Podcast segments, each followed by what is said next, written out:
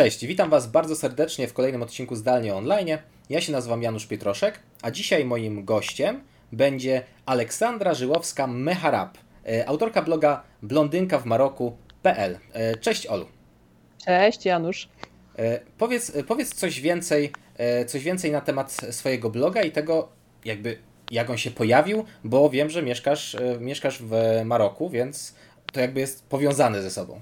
No okej. Okay. Blog powstał w czasie pandemii, tak naprawdę. Blog powstał w czasie pandemii. Ja wtedy, e, no wtedy byłam w Maroku e, i nie miałam za bardzo co ze sobą robić, e, bo tak naprawdę wszystko stanęło i, i moja praca, mimo że zdalna, to, to też dosyć mocno stanęła. I pomyślałam sobie, że skoro ja tak lubię pisać i zawsze chciałam pisać dla siebie, a nie tylko dla zleceniodawców, no to czemu nie? No i tak, i tak wpadłam na pomysł założenia e, bloga wtedy. E, a powiedz w ogóle, jak to się, e, jak to się stało, że, że mieszkasz w Maroku i jak to się stało, że jakby pracujesz zdalnie dla jakichś polskich wydawnictw, polskich firm, tak? Jesteś mm -hmm. copywriterką, pisarką. Jak to się stało, że tak. jesteś w Maroku i piszesz dla polskich wydawnictw? Dobra, no to tak, jeżeli chodzi o, um, o moją marokańską przygodę, to wszystko się zaczęło od tego, że um, miałam bardzo taką trudną sytuację w życiu i potrzebowałam zmiany otoczenia. E, więc w telegraficznym skrócie to było tak, że zaczęło się od wyjazdu po to, żeby trochę przeleczyć głowę, właśnie zmienić otoczenie, a skończyło się na mężu Marokańczyków.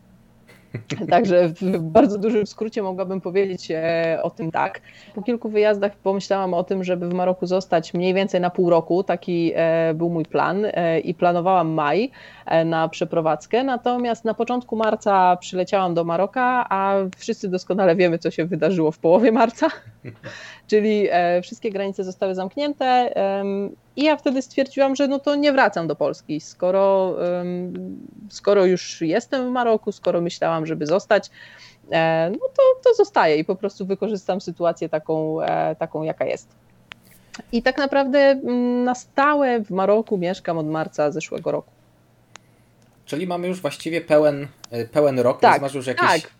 Doświadczenia. To już jest, to już jest no, rok tutaj. Ba bagaż doświadczeń już jakiś, jakiś masz w związku z tym.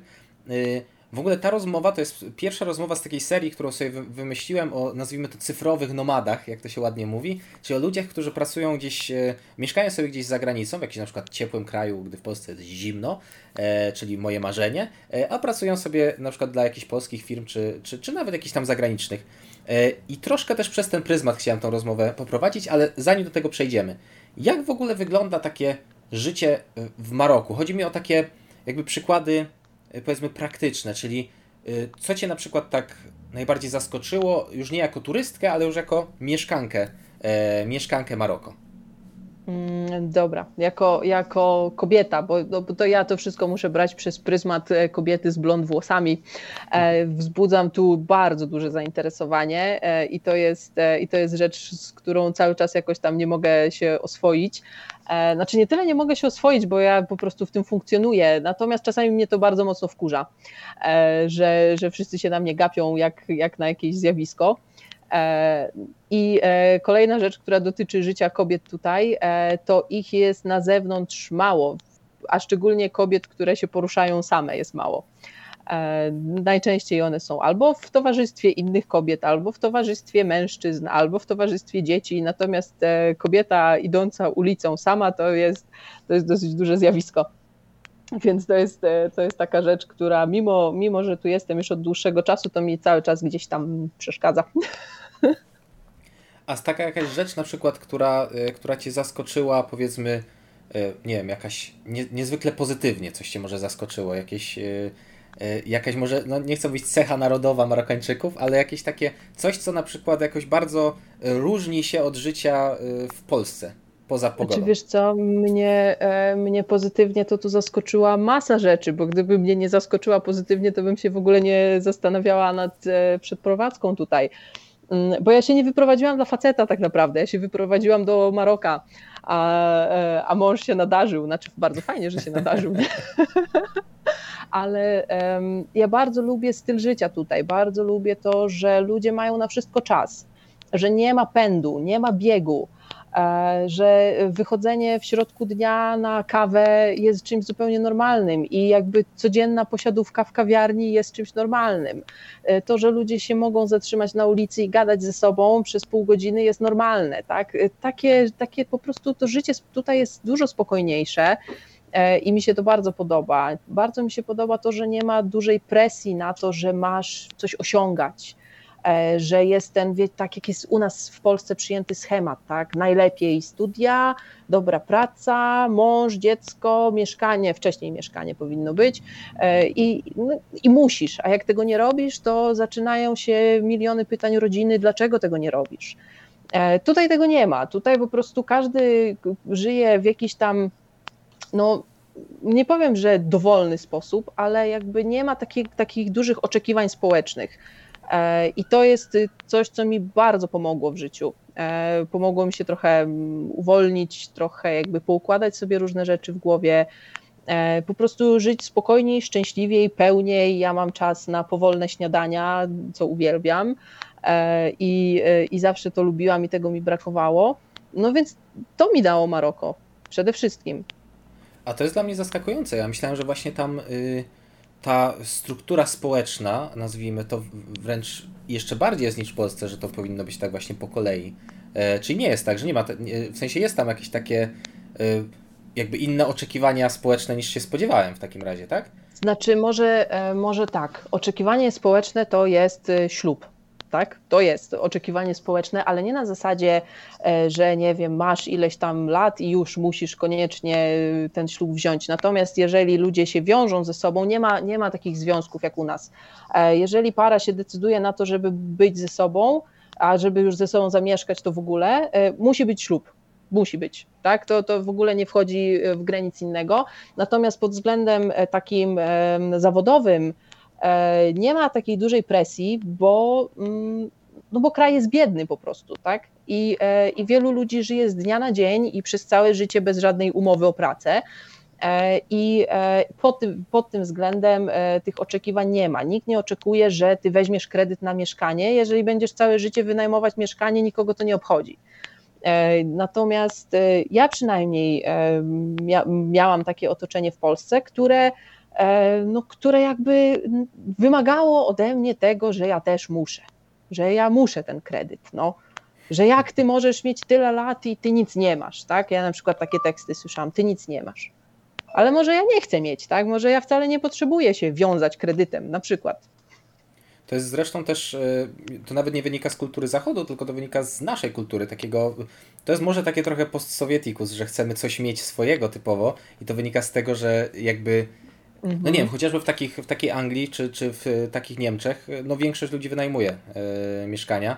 W Stanach to już w ogóle, bo w Stanach to żeby kupić cokolwiek, to już trzeba być naprawdę wyższą klasą średnią, e, bo tam ceny są windowane bardzo mocno. Więc to też myślę, że z specyfiki takiej polskiej wynika i zresztą ja też się na tym, ja też się na tym łapię oczywiście, bo, e, bo ja też tak sobie myślę, ok, to może jakieś mieszkanie, jakieś coś tam.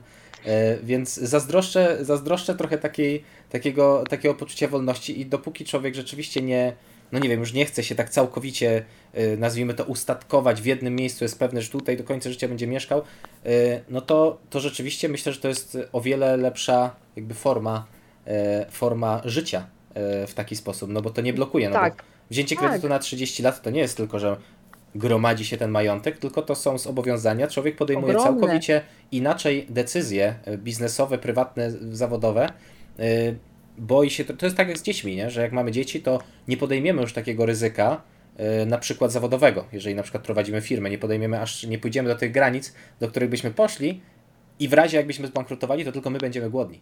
Yy, tak, więc, więc dokładnie. coś takiego.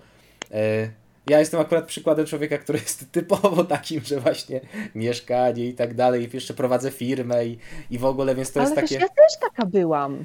Ja Tylko... też taka byłam. To że, to, że ja teraz żyję inaczej, to jest y, wynik no naprawdę bardzo, bardzo dużego kryzysu w życiu, bardzo dużego. E, I gdyby to się nie wydarzyło, to podejrzewam, że ja bym dalej realizowała ten schemat. Tylko po prostu w pewnym momencie okazało się, że ja nie chcę żyć tym schematem. Jakby, że, że ja to wszystko robiłam nie dlatego, że wewnętrznie chciałam, tylko dlatego, że tak trzeba. I jakby nie wyobrażałam sobie, że można inaczej. No a w pewnym momencie stwierdziłam, że no, chyba można. Jak widać, na pewno można. To jest też w ogóle bardzo. Znaczy, to no, też mi się wydaje, że przede wszystkim trzeba sobie odpowiedzieć na pytanie, co, co się samemu chce. Tak. No bo ja na przykład nie mam problemu z tym schematem, bo mi on, mi on odpowiada. To nawet nie do końca schemat. Natomiast on też jest troszeczkę może na pewno jest zmodyfikowany wobec, że tak powiem, moich oczekiwań względem wszechświata. I, Czy wiesz, ja nie twierdzę, że to osób, jest nie? coś złego, tak? Bo na pewno przyjdzie taki moment, że ja też stwierdzę, że no jednak może już bym chciała kupić to mieszkanie tak? I, i gdzieś tam, nie wiem, no, zacząć, zacząć budować jakąś stabilność w jednym miejscu.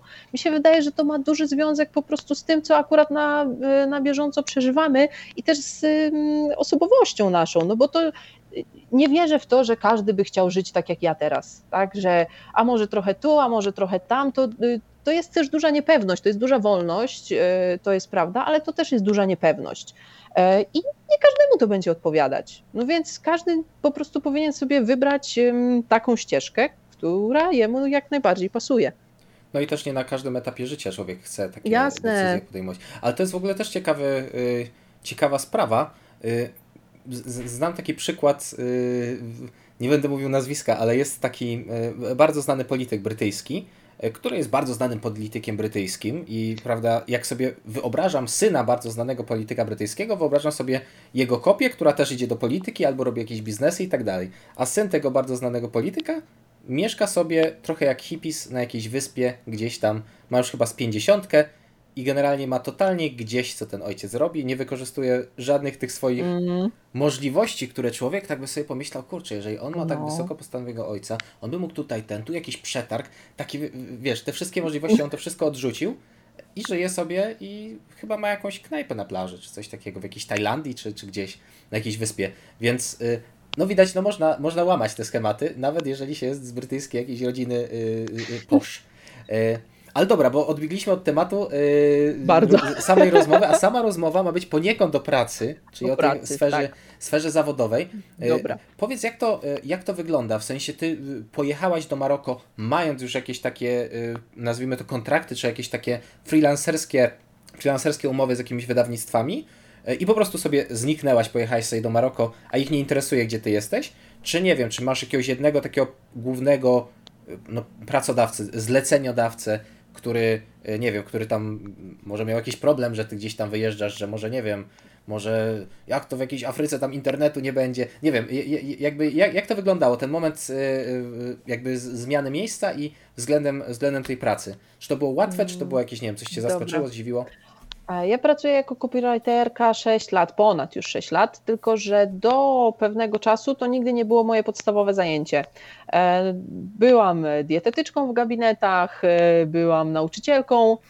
E, I, I to pisanie artykułów to była praca dla mnie jakaś dodatkowa. Natomiast po pierwszym wyjeździe do Maroka, kiedy do mnie dotarło, że ja tak naprawdę nie wiem, co ja tam robię w tej mojej pracy, to spróbowałam to rozwinąć do tego stopnia, żebym była w stanie się e, utrzymywać. I e, mam od samego początku jedno wydawnictwo, z którym pracuję cały czas. Natomiast cała reszta to są rzeczy, które się zmieniają, przychodzą na dłużej, na krócej, to, to zależy ale nigdy, e, nigdy jakby w ogóle nie był temat poruszany tego, e, gdzie ja mieszkam. E, no ważne jest to, w którym urzędzie skarbowym się rozliczam, tak?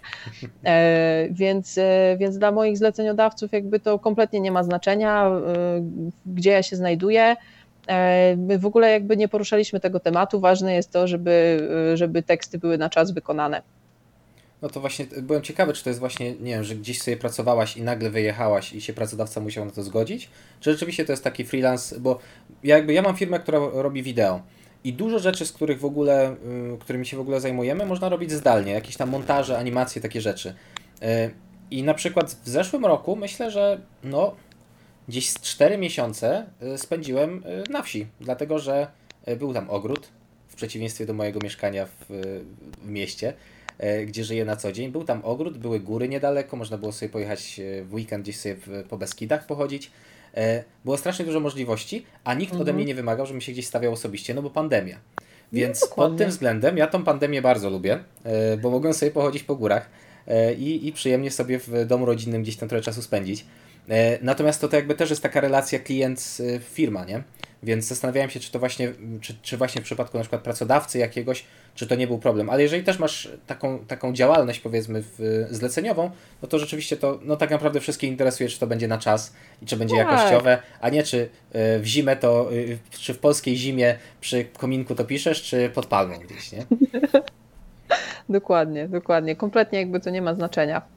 A jeżeli już chodzi o samą pracę, powiedz, jak to wygląda, jeżeli chodzi o jeżeli byłby sobie taki człowiek, który sobie pomyśli, ok, fajnie tutaj, fajne rzeczy dziewczyna mówi, to ja może też się przeprowadzę do Maroko, będę sobie, tam sobie mieszkał, a będę sobie pracował gdzieś tam zdalnie w Polsce.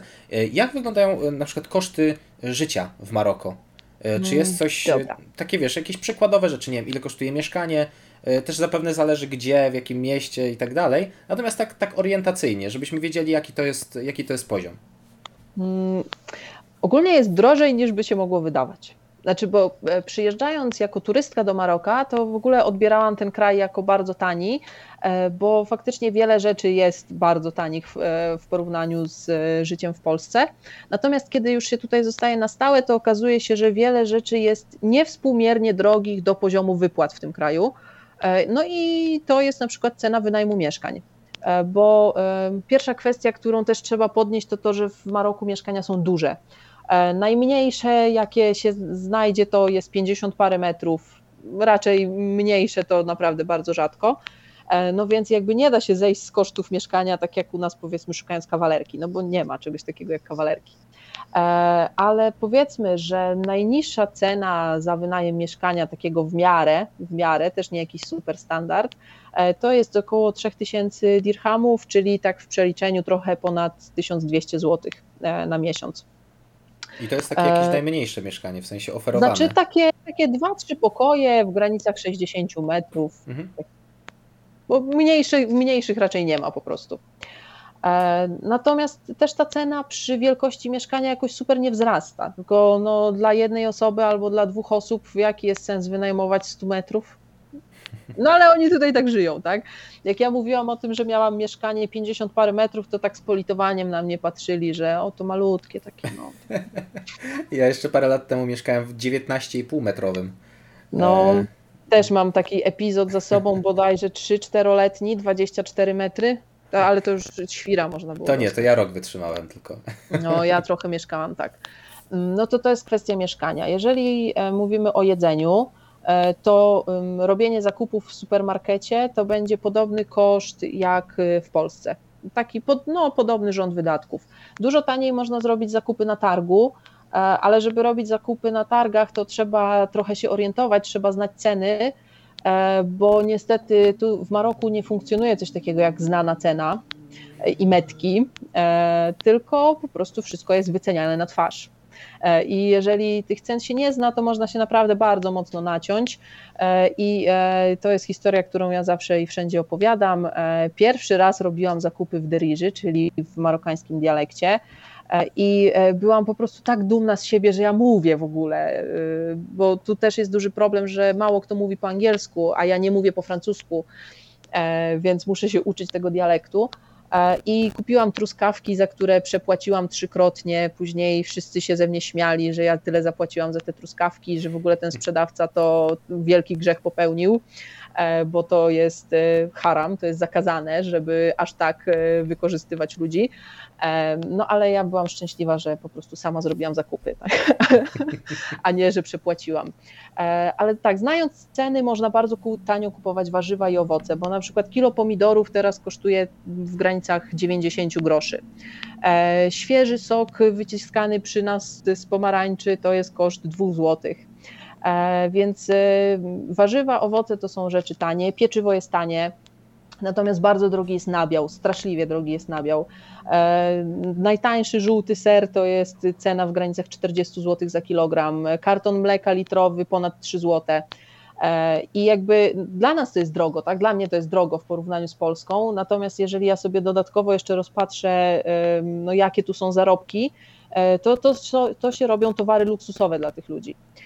E, drogie też są kosmetyki, są sporo droższe niż w Polsce. Ubrania w sieciówkach nawet potrafią być 50% droższe niż w Polsce. Te same rzeczy, bo porównywałam sobie któregoś razu. Więc ogólnie to życie pod wieloma aspektami będzie tańsze, jeżeli na przykład chcemy jeść na mieście, to, to są tanie rzeczy, za naprawdę dobry obiad można gdzieś dyszkę zapłacić. To, co jest rytuałem w Maroku, czyli tam codziennie albo co drugi dzień kawka, no to fajne cappuccino za 3,50 można, ale mm, to nie będzie takie super tanie życie. Tańsze niż w Polsce, ale nie, nie jakieś mocno tanie.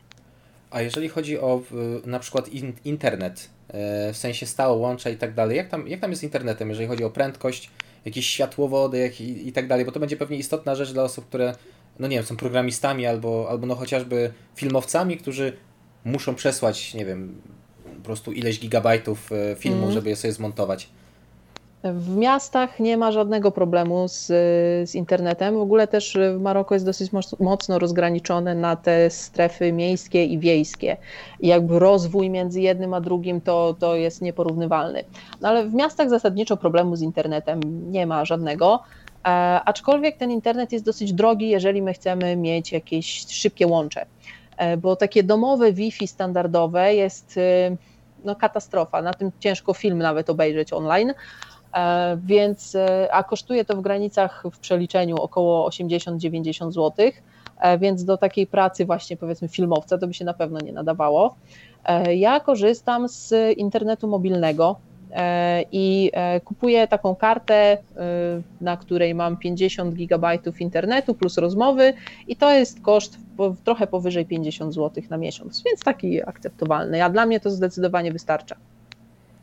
Okej, okay, czyli nie jest tak źle. Ja spodziewałem się, że będzie jeszcze większa ta cena. W sensie domyślałem się, że będzie dostępność, szczególnie w miastach, natomiast myślałem, że, że w związku z tym, że to jest jednak jakaś tam no może nie ekstrawagancja, ale pewnie większa ekstrawagancja i coś bardziej luksusowego niż w Polsce, no to, że myślałem, że nie wiem, z 200 zł będzie za takie łącze płaciło 300. E, nie wiem, ile by kosztowało takie faktycznie super dobre.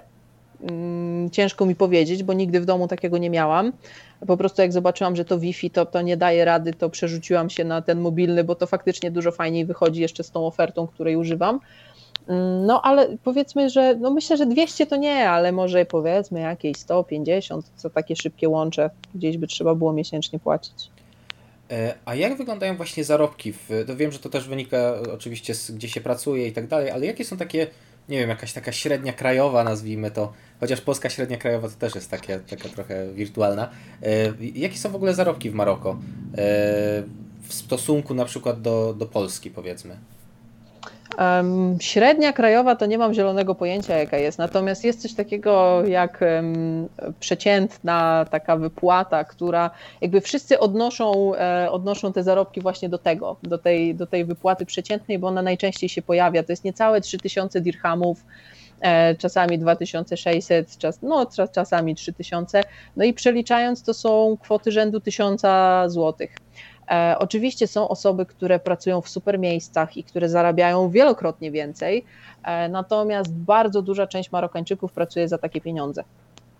Czyli w stosunku na przykład do kosztów to jest rzeczywiście bardzo mało. Bardzo mało. To jest bardzo mało. W stosunku do kosztów życia to jest e, bardzo mało. Czasami to jest tak, że na przykład pracując w jakiejś lepszej firmie zarabia się 4000 dirhamów, przykładowo w Casablance, a wynajęcie mieszkania kosztuje 4000 dirhamów. No to jak?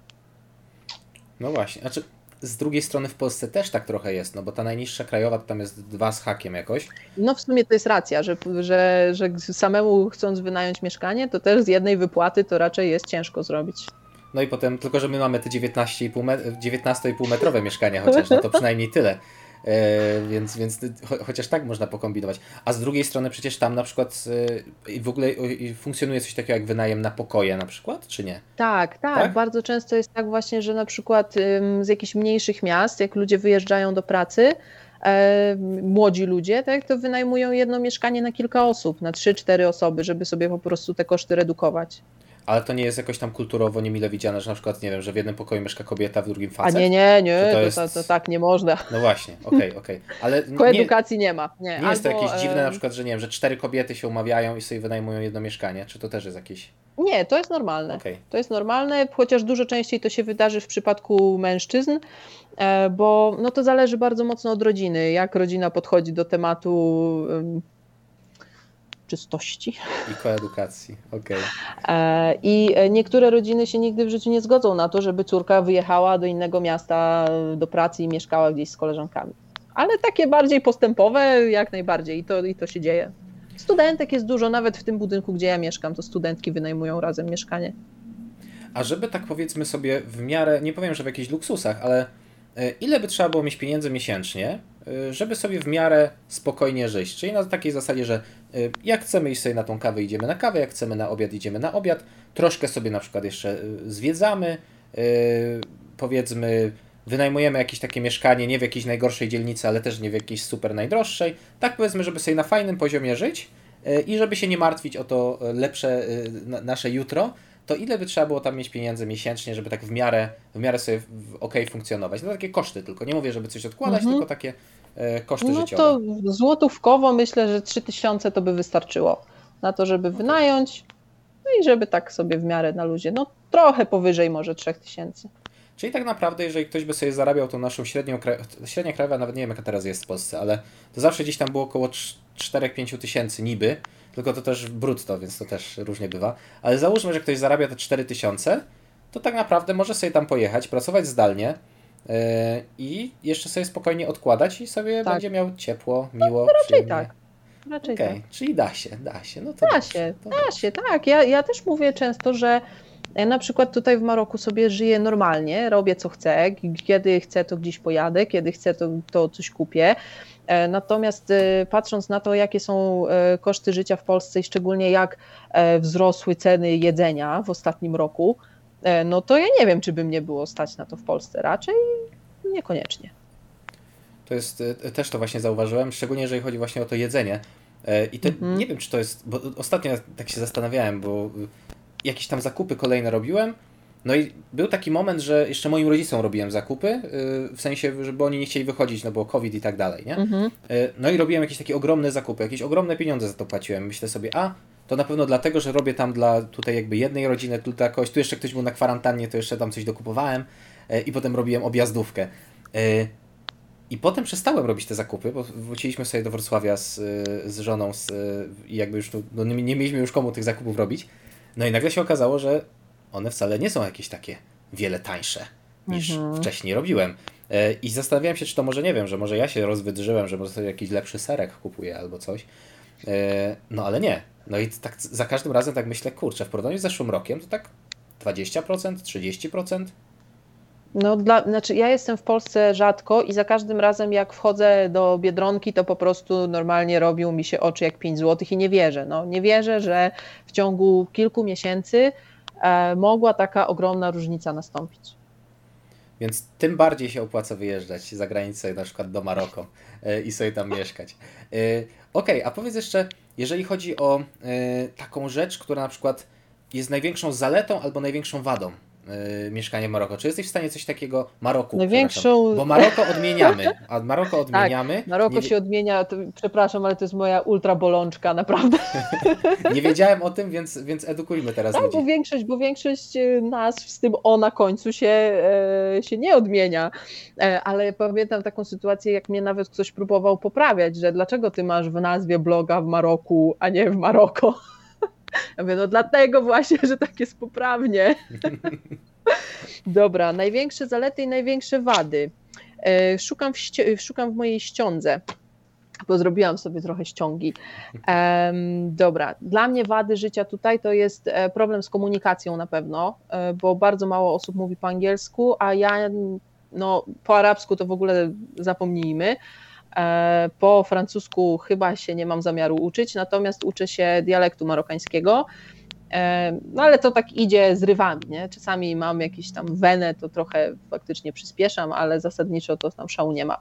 E, więc do załatwienia wszystkich takich spraw poważniejszych, jakichś urzędowych, nie wiem, u lekarza czy cokolwiek, to ja potrzebuję po prostu, żeby mąż ze mną poszedł, bo ja sama tego nie zrobię.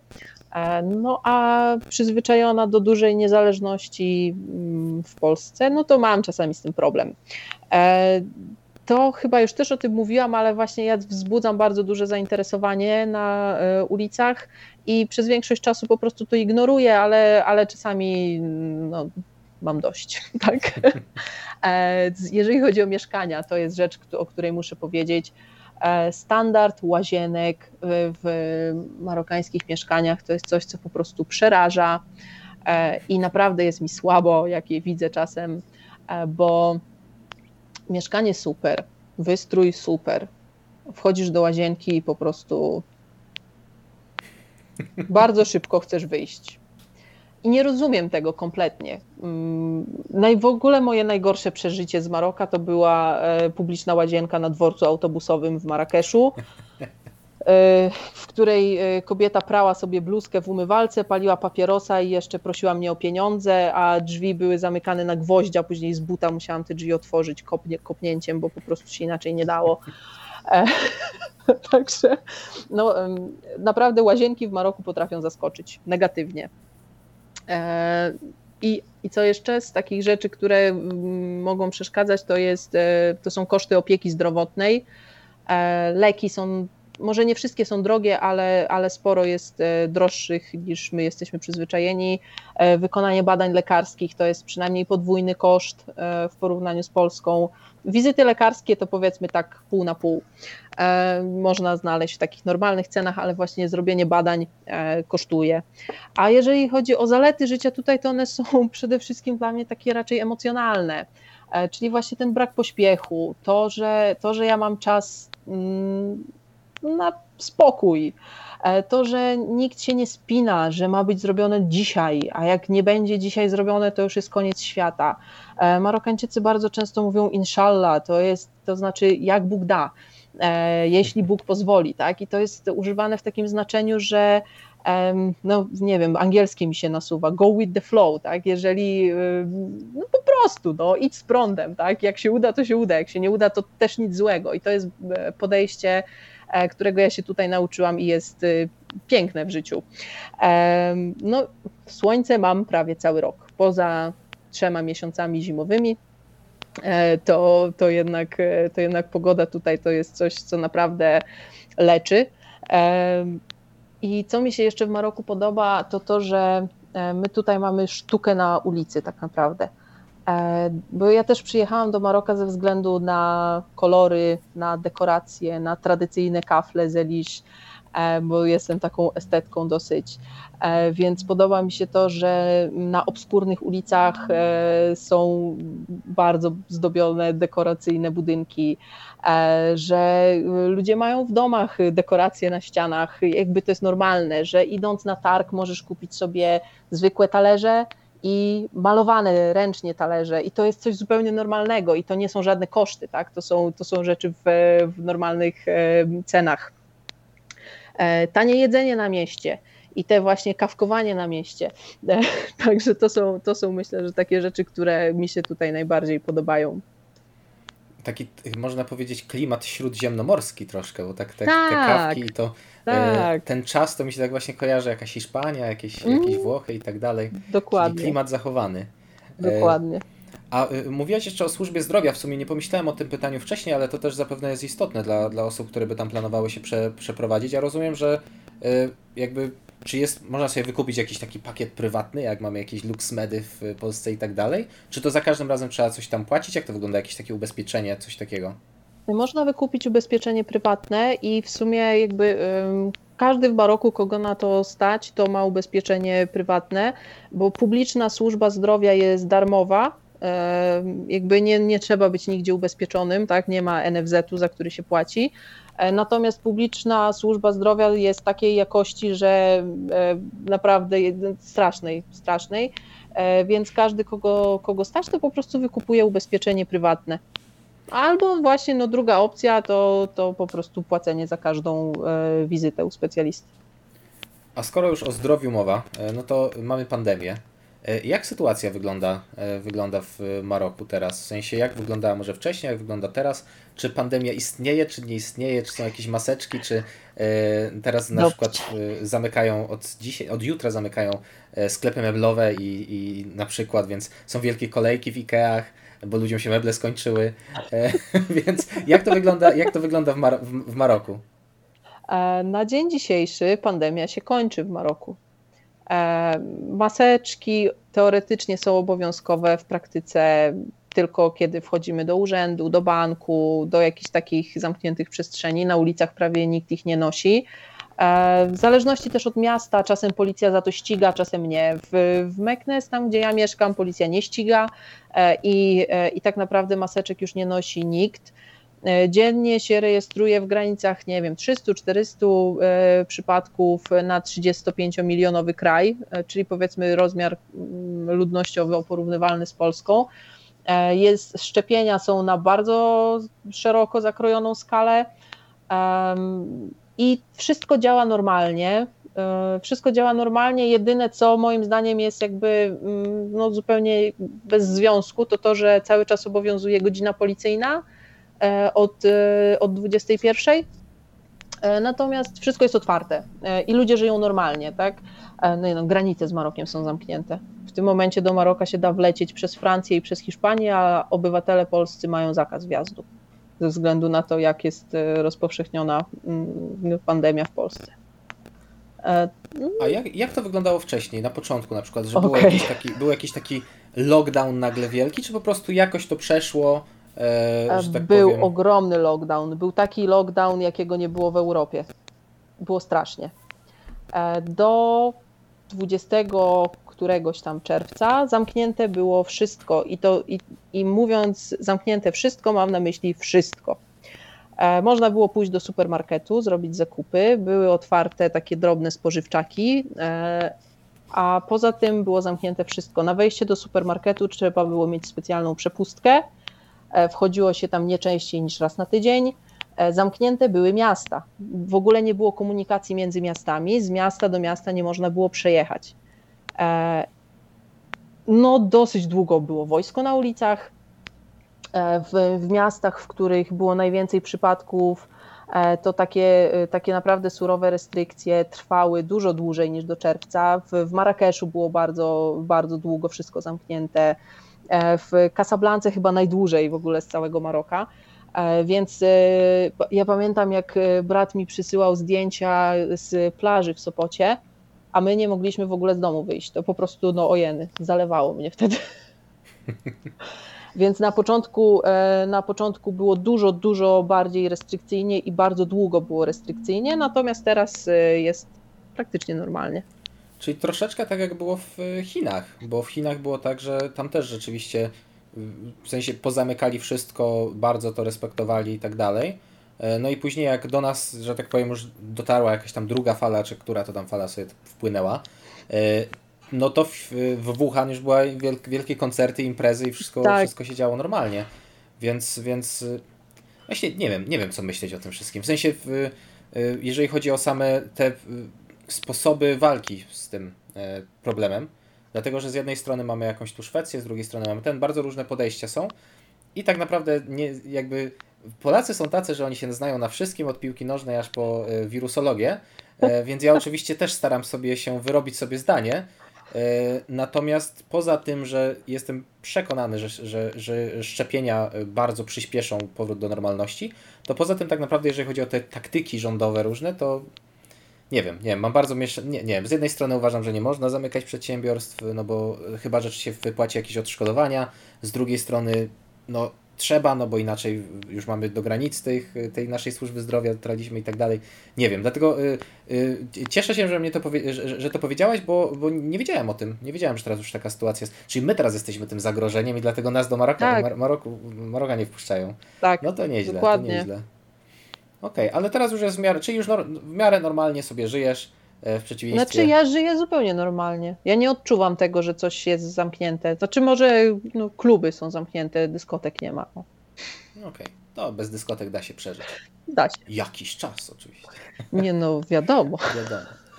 Super, wiesz co, y, myślę, że y, o, o, porozmawialiśmy o wszystkim i nawet o większej ilości rzeczy niż myślałem, że porozmawiamy. Y, powiedz jeszcze proszę, gdzie Cię znajdziemy, jeżeli ktoś by chciał, nie wiem, sobie poczytać twojego, twojego bloga, jakieś social media i tak dalej. Wszystkie linki będą w opisie. Dobrze, no oprócz, oprócz bloga e, prowadzę Instagram o tej samej nazwie, też, e, też można mnie znaleźć jako blondynka w Maroku e, i w sumie na tym Instagramie jest mnie więcej niż, e, niż na blogu z racji tego, że no, ja ostatnio dużo pracuję, a pracuję pisząc, więc mało publikuję na blogu, ale inshallah szybko do tego wrócę. E, e, nie, niech, niech i tak będzie, in, in, inshallah, jak Bóg da. Tak jest. Super, Bar bardzo Ci dziękuję za rozmowę. E, Myślę, że dużo się, dużo się dowiedzieliśmy, no i, e, no i wszystkiego dobrego. Niech nam te granice już otwierają.